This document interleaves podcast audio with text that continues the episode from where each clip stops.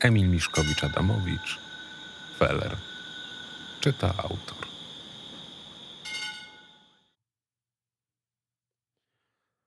Rozdział czwarty. Gromow. Gromow lubiła swoją pracę. Kiedy zaczynała, postanowiła, że będzie przeciwieństwem wszystkiego, co spotkało ją w młodości. Obiecała sobie, że zawsze będzie uprzejma, serdeczna i pomocna. I że nie pozwoli, żeby cokolwiek wyprowadziło ją z równowagi. Rzeczywistość wyglądała trochę inaczej niż się spodziewała, ale nie złamała swoich postanowień. Dodała tylko do nich w odpowiednim momencie bardzo ważne słowo stanowczość. Uwielbiała reakcję osób, którym wypisywała mandat. Cieszyło ją ich zaskoczenie, że można to zrobić z pełną kulturą, uśmiechem, dobrą radą. To, czym zajmowała się wieczorem, jej druga praca, jej drugie ja, wymagało podobnych umiejętności i postanowień. Wszystko do siebie pasowało, a Gromow uwielbiała, kiedy rzeczy same układały się w całość. Podobnie było tego sobotniego popołudnia, kiedy siedziała z Marchlikiem w kuchni mieszkania numer 50. Już dawno nie spędzali czasu tylko we dwójkę i to popołudnie z nim ją uspokajało. Do czasu, kiedy zadzwonił jego telefon. Halo, powiedział przykładając telefon do ucha. Nie słyszała, z kim rozmawia, ale po jego minie można było zobaczyć, że dostał wyczekiwaną informację. Gdzie? Którego kina? Czekał na odpowiedź. Dobra, dzięki. Rozłączył się. Co się dzieje? Spytała, udając, że jej to zbytnio nie interesuje. Nic takiego, muszę pilnie wyjść. Poderwał się z kanapy, narzucając na siebie kurtkę i szalik. Wziął ostatniego łyka wystygłej kawy. Coś się stało? Czekała na jego odpowiedź. Wahał się. Nie, to ta sprawa z Michałem Fellerem i zwłokami. Kazałem go obserwować po tym, jak zdobyliśmy jego adres, dając mu mandat. Pójdę z tobą, powiedziała, wstając i zakładając płaszcz. Nie ma takiej potrzeby, muszę się tylko upewnić jednej rzeczy. Chcę iść z tobą, popatrzyła na niego stanowczo. Bała się, że odmówi, ale nagle złagodniał. To chodźmy. Idzie z jakąś dziewczyną na przystanek siódemki niedaleko swojego mieszkania. Jak wsiądziemy w taksówkę, to zdążymy go wyprzedzić i złapać w centrum. Ale co chcesz zrobić? Pogrozić, zaintrygować, pomieszać w głowie? Uśmiechnęła się. Czyli to, co zwykle.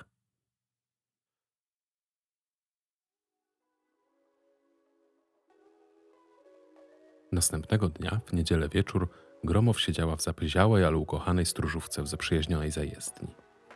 Cichutko pogrywało radio, fotel był wygodny, światło odpowiednio przygaszone, a książka bardzo wciągająca. Nic nie relaksowało jej bardziej, no może seks. Popijała sobie piwo z butelki, nie spodziewała się nikogo. Bridget bardzo ją śmieszyła. Zaczęła powoli odpływać, zamknęła oczy i już prawie zasnęła, kiedy nagle w jej błogość wkradła się myśl o kajtku, o felerze, o kombinującym marchliku. Dlaczego nie chciał jej powiedzieć wszystkiego? Obmyślił jakiś plan, widziała to na jego twarzy, kiedy wypisywał mu mandat poprzedniego dnia.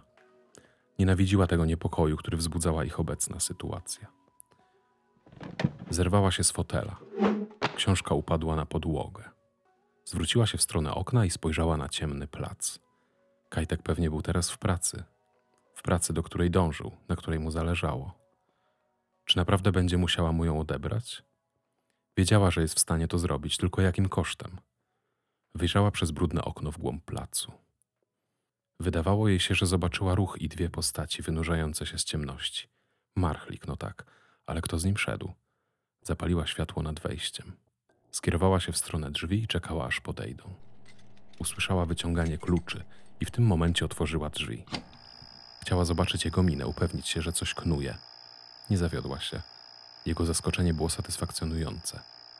Spojrzał na nią, uśmiechnął się sztucznie i z zakłopotaniem, okręcił dziwnie głową i wszedł do środka. To jest pani Maria. Pani Mario to jest Gromow, moja przyjaciółka i partner w interesach. Dobry wieczór, bardzo miło panią poznać. Tyle dobrego słyszałam o tym, co państwo robicie. Witaj, kochana. Wreszcie możemy porządnie się poznać. Gromow ukradkiem spojrzała na Marchlika z wyrzutem. Przecież miał dać jej znać przed spotkaniem. Po głowie kołotały jej się podejrzliwe myśli, ale to nie był dobry moment na kłótnie. Usiadła z powrotem w fotelu i ręką wskazała pani Marii miejsce na tapczanie. Marchlik nie usiadł. tylko podszedł do malutkiej, pożółkłej od dymu papierosowego lodówki i wyciągnął z niej wódkę. Napijemy się, pogadamy i mam nadzieję dogadamy, pani Mario. Uśmiechnął się sztucznie. Gromow wyciągnęła kieliszki. Pani Maria, według jej szybkiej oceny, trzymała się całkiem nieźle jak na swoje pięćdziesiąt kilka lat. Tylko peruka wymagała poprawy. Posklejane i nieczesane włosy prezentowały się dość przygnębiająco i powodowały, że pani Maria wyglądała jak nieudana drag queen. A nie o to przecież chodziło. Ale temu można było szybko zaradzić.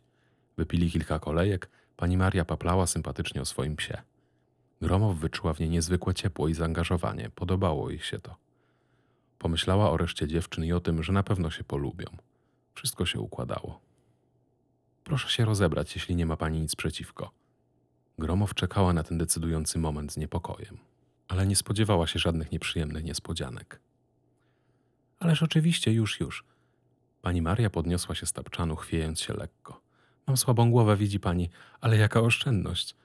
Marchlik roześmiał się i również skierował całą swoją uwagę na tym decydującym momencie. Pani Maria rozbierała się powoli, ale z wielką gracją.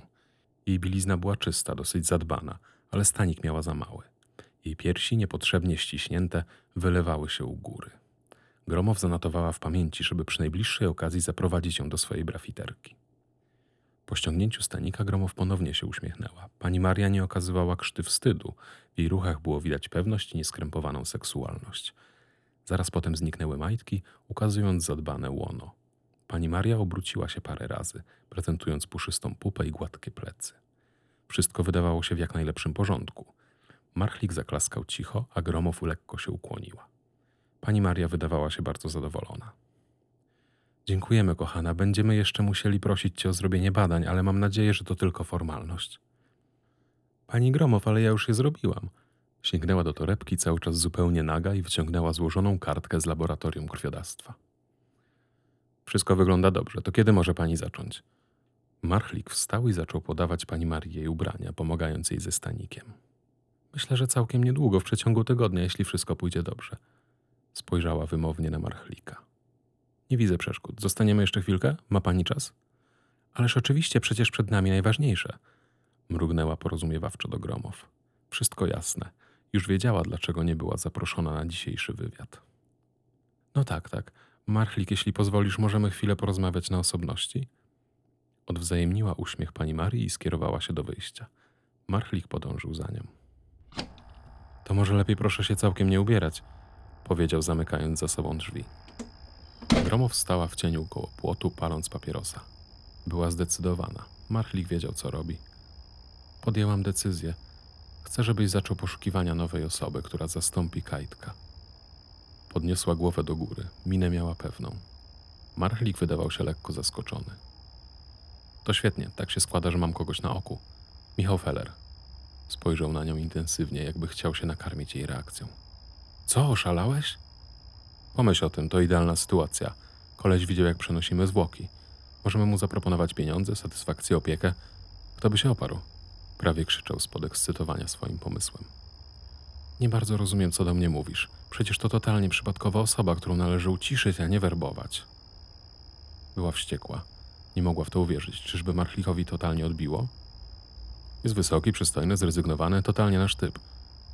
Ale skąd wiesz, co lubi? Przecież trzeba mieć do tego predyspozycję, swobodę, seksapil. Wycofała się całkiem pod płot. Marchlik zbliżył się do niej. Naprawdę tego nie widzisz? Sama nie wiem. Ja już zacząłem. Był tu dzisiaj na moje polecenie, kiedy siedziałaś sama w środku. Chciałem go podjudzić, zobaczyć, czy się mnie posłucha. Przyszedł o czasie i wystarczyło moje skinienie głową, żeby uciekł w opłochu, w lęku przed tobą. Kiedy zdążyłeś to wszystko uknąć? Była pod wrażeniem, ale próbowała tego nie pokazać. Marchlik wie lepiej od niej? Czy już do tego doszło? Nawet się nie zorientowała, kiedy totalnie straciła wyczucie. Dobrze wiesz, że mam swoje triki. Zaufaj mi. Też chcę dobrze dla Kajtka. Widzę, jak cierpisz. Pogłaskał ją po głowie i spróbował ją przytulić. Delikatnie go odepchnęła. Przestań ja... Co? Jeśli będziesz potrzebował pomocy, daj znać. Wyprostowała się i jednak go przytuliła. Porozmawiasz z Kajtkiem w odpowiednim momencie? Spytał. Porozmawiam. Nie zatrzymuję cię, pani Maria czeka. Ach, no tak. Mam nadzieję, że się nie gniewasz za dzisiaj. Chciałem ją po prostu sprawdzić, zanim przystąpimy do wdrażania jej. Nie, skąd? Idź, baw się dobrze. Polubiłam ją chyba. I telefon zabrzęczał, ale zignorowała to. Zgasiła papierosa na ziemi. Razem podeszli do drzwi. Marchlik bez słowa wszedł do środka, wziął jej rzeczy, kurtkę, torebkę i książkę leżącą na podłodze. Wcisnął jej to wszystko w ręce i pocałował w policzek. Do zobaczenia. Marchlik zamknął drzwi i usłyszała przekręcanie zamka. Gromow nie miała ochoty na podsłuchiwanie, więc skierowała się w stronę domu. Spojrzała na swój telefon. Wiadomość od Bożeny. SOS Kajtek Libelta. Panika wypełniła jej ciało. Zobaczyła Kajtka całego we krwi, zgwałconego, wyciągającego do niej ręce. Potrząsnęła głową i ścisnęła powieki, pozbywając się okropnej wizji. Chciała wrócić prosić Marchlika o pomoc, ale bała się dolewania ogniwy do ognia i wyrzutów. Wybiegła przez zajezdnię i skręciła w lewo do najbliższego postoju taksówek. Raz za razem próbowała połączyć się z telefonem Bożeny, ale nie było odpowiedzi. Na miejscu wsiadła do pierwszej wolnej taksówki. Cała zdyszana i niespokojna kazała taksówkarzowi jechać na ulicę Libelta i pogrążyła się w czarnych myślach. Ponownie zadzwoniła do Bożeny, ale ta nie odbierała. Zadzwoniła do Kajtka, ale włączyła się tylko poczta głosowa. Obawiała się najgorszego. Próbowała się uspokoić, nie panikować, ale oczywiście jej to nie wychodziło. Przecież chodziło o Kajtka, o jego zdrowie i bezpieczeństwo. Pluła sobie w brodę, jak mogła się zgodzić na to wszystko. To musiał być koniec jego przygody. Porozmawia z nim jeszcze tej nocy. Bała się przyznać przed sobą, że Marchlik miał rację. W przeciągu 10 minut dotarła na miejsce. Wysiadła z taksówki, nie biorąc reszty od kierowcy, i szybko zauważyła trzy dziewczyny rozmawiające niespokojnie pod latarnią po drugiej stronie ulicy. Podeszła do nich i zapadło milczenie. Ani Kasia, ani Bożena, ani Magda nie chciały się odezwać. Bożena podniosła rękę i skierowała palec na małą skrzynkę z transformatorem. W ciemności można było zobaczyć skulony i trzęsący się kształt. Gromow podbiegła, na tyle na ile mogła, do kajtka i kucnęła obok niego. Objęła go ramieniem, ale ją odepchnął i szybko wstał. Nic mi nie jest, dajcie mi spokój. Spojrzał w stronę przerażonych dziewczyn. Widocznie chciały mu pomóc, ale im nie pozwolił. Miał siniaka pod okiem i naddartą koszulę, ale chyba naprawdę nic mu nie było. Oparł się ciężko o ścianę, masując sobie żebra. Na chodniku leżała potłuczona butelka. Szkło wbijało się w podeszwę ich butów. Gromow szukała w ciemności błyszczących śladów krwi. Serce biło jej jak oszalałe. Próbowała ponownie go przytulić, ale wyrwał się jej i odsunął na bezpieczną odległość. Czuła, że pot spływa jej po plecach, mimo że było całkiem zimno. Co się stało? Przyglądała mu się z uwagą, szukając nieprawidłowości na jego wątłym ciele. Wszystko jest pod kontrolą. Musiałem komuś przyłożyć, więc to zrobiłem. Złamał mu się głos, a do oczu napłynęły łzy. Przetarł je szybko ręką i wyprostował się dumnie, dając jej znać, żeby przestała się nad nim użalać. Ale dlaczego? W momentach takich jak ten, Gromow modliła się o większą potrzebę wylewności u swojego syna. Zapłacił za jedno, a chciał wszystko naraz, więc musiałem coś zrobić. Spierdolił, ale przynajmniej więcej tu nie wróci. Chyba nabiłem mu niezłego guza. Jezus Maria, dziewczyny ci pomogły? Tak, zaczęły drzeć się w niebogłosy. To go chyba najbardziej przestraszyło. Pewnie bał się, że zaraz przyjedzie policja. Muszę chyba wrócić do domu i się wyspać, jeśli jutro chcę wyglądać normalnie na wieczór. Chcesz wrócić jutro do pracy? Gromow wbrew sobie poczuła dumę, ale próbowała tego nie pokazać. A czemu nie? Przecież nic mi nie jest. Odsunął się od niej jeszcze dalej i machnął na przejeżdżającą taksówkę. Naprawdę nic mi nie jest, nie martw się, dostaniesz wrzodów. Uśmiechnął się lekko i Gromow była zgubiona. Patrzyła, jak jej syn wsiada do taksówki. Poczekaj! Nic to nie dało. Zatrzasnął drzwi i już go nie było. Poczuła niedosyt, chęć zbadania go dokładnie, pojechania do szpitala, zapewnienie lekarzy, że wszystko jest w porządku. Rozpłakała się. Zaczęło docierać do niej, że nigdy nie będzie w stanie wyperswadować mu pracowania dla niej. Ale przecież nie mogła po raz kolejny zmienić zdania. Kajtek sprawiał, że traciła wszystkie swoje kompetencje i zimną krew. Nieważne jak się starała, nie potrafiła traktować go tylko i wyłącznie jako pracownika. Ale gdyby to przytrafiło się którejkolwiek z dziewczyn, nawet nie zastanawiałaby się dwa razy. Chwilę odpoczynku i trzeba wracać do roboty, takie są naturalne ryzyka. Tylko czy Kajtek zasługiwał na równe traktowanie? Nie mogła przestać myśleć o tym, że znowu będzie musiała porozmawiać z Marchlikiem, zmienić ich plany, poprosić go, żeby przerwał ten cyrk z Felerem. Jej syn był niezniszczalny, niezastąpiony. Takie chciał sprawiać wrażenie, więc póki się sprawdzał, nie powinna mieć powodów, żeby go zwalniać. Ale co najważniejsze, miał w sobie powołanie, które zdarzało się bardzo rzadko, a nawet nigdy. Zabieranie mu tego byłoby największym ciosem i niezmywalną plamą na ich relacji. Wiedziała, że to nie skończy się dobrze. że Marchlik nigdy nie da jej o tym zapomnieć. Ale szczęście Kajtka było ważniejsze. Jego spełnienie było warte dużo więcej niż całkiem uzasadniona złość Marchlika. Podeszła do dziewczyn cała roztrzęsiona. Kiwnęła im głową, mrucząc, że wszystko w porządku, żeby wracały do pracy i ruszyła pieszo w stronę zajezdni. Wiedziała, jak on zareaguje. Wiedziała, że się wścieknie, że może będzie brutalny, że będzie ją obrażał. Było jej wstyd za swoje niezdecydowanie. Pozwoliła własnym emocjom zrobić z siebie idiotkę, ale na szczęście tylko przed nim. Ale teraz nie było już odwrotu.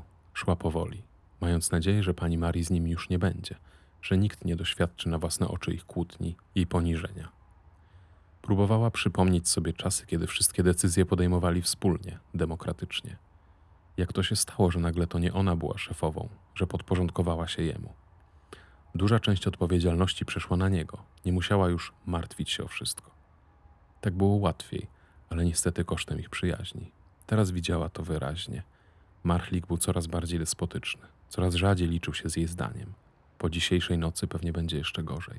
Straci do niej jakikolwiek szacunek. Trudno, Kajtek był ważniejszy, wiedziała o co walczy. Czy pozostało w nim chociaż trochę zaufania do niej? Może na nie nie zasługiwała. Dotarła do bramy zajezdni cała zdyszana. Taki długi spacer bardzo męczył jej ciężkie ciało. Przystanęła na chwilę w ciemności i zapaliła papierosa, żeby się uspokoić. Zebrała w sobie całą pewność siebie, jaką posiadała, i po chwili ruszyła do stróżówki. Drzwi były uchylone i z zewnątrz można było usłyszeć rozbawione towarzystwo. Ktoś z nimi był oprócz pani Marii. Zajrzała do środka i zobaczyła kajtka pijącego wódkę. Połowę jego twarzy zakrywał opatrunek, ale chyba bawił się dobrze i wydawał się pijany. Poczuła ukłucie zazdrości. Weszła do środka, uśmiechając się ponuro. Wypiła kieliszek wódki. Musimy porozmawiać, powiedziała. Marchlik wiedział, że to do niego. Pani Maria wstała, ukłoniła się uprzejmie i zaczęła zakładać płaszcz. Kajtek mnie odprowadzi, prawda? Skinęła na niego głową. Kajtek uśmiechnął się szeroko i z lekką trudnością również wstał. Miłego wieczoru, powiedział do Marchlika, całkowicie ignorując swoją matkę. Wyszli pospiesznie na zewnątrz i po chwili zapanowała cisza. Gromow usiadła na tapczanie naprzeciwko Marchlika. Wiem, co się dzisiaj stało i wiem, co mi powiesz. Złożył ręce na piersi i zapadł się w fotel. Gromow sięgnęła po kieliszek wódki i, szykując się na konfrontację, wypiła go bez grymasu. Czyżby? Chciała poczuć wyższość na nim, ale chyba nie potrafiła. Czuła się mała. Jeśli obiecam ci, że nie ruszę kajtka, to czy dasz mi wolną rękę? Pozwolisz mi zatrudnić tego chłopaka? Ale skąd mam mieć pewność, że kajtek jest bezpieczny, że jego pozycja jest pewna? Wiem, że znowu zmieniam zdanie, ale tym razem na dobre. To, jak się dzisiaj zachował, jego werwa i pewność siebie pokazało mi wreszcie, że zasłużył na swoje miejsce wśród nas. Przyznaję otwarcie, że się myliłem, że miałaś rację. A to ostatnio nie zdarza się zbyt często. Mówił spokojnie. Cały stres, który Gromow nosiła w sobie, szukał ujścia. Chciała się złościć, kłócić, krzyczeć. Tylko na kogo, skoro Marchlik był oazą spokoju? Nie musisz mnie obrażać. Jeśli mnie o coś oskarżasz, to powiedz otwarcie. Próbowała go wkurzyć, podjudzić. Dlaczego był taki spokojny? Jeśli chodzi o Kajtka, to chciałabym mieć pewność, że pozwolisz mu się rozwijać. Oczywiście, że tak. Marchlik wstał z fotela. Ale to nie wszystko.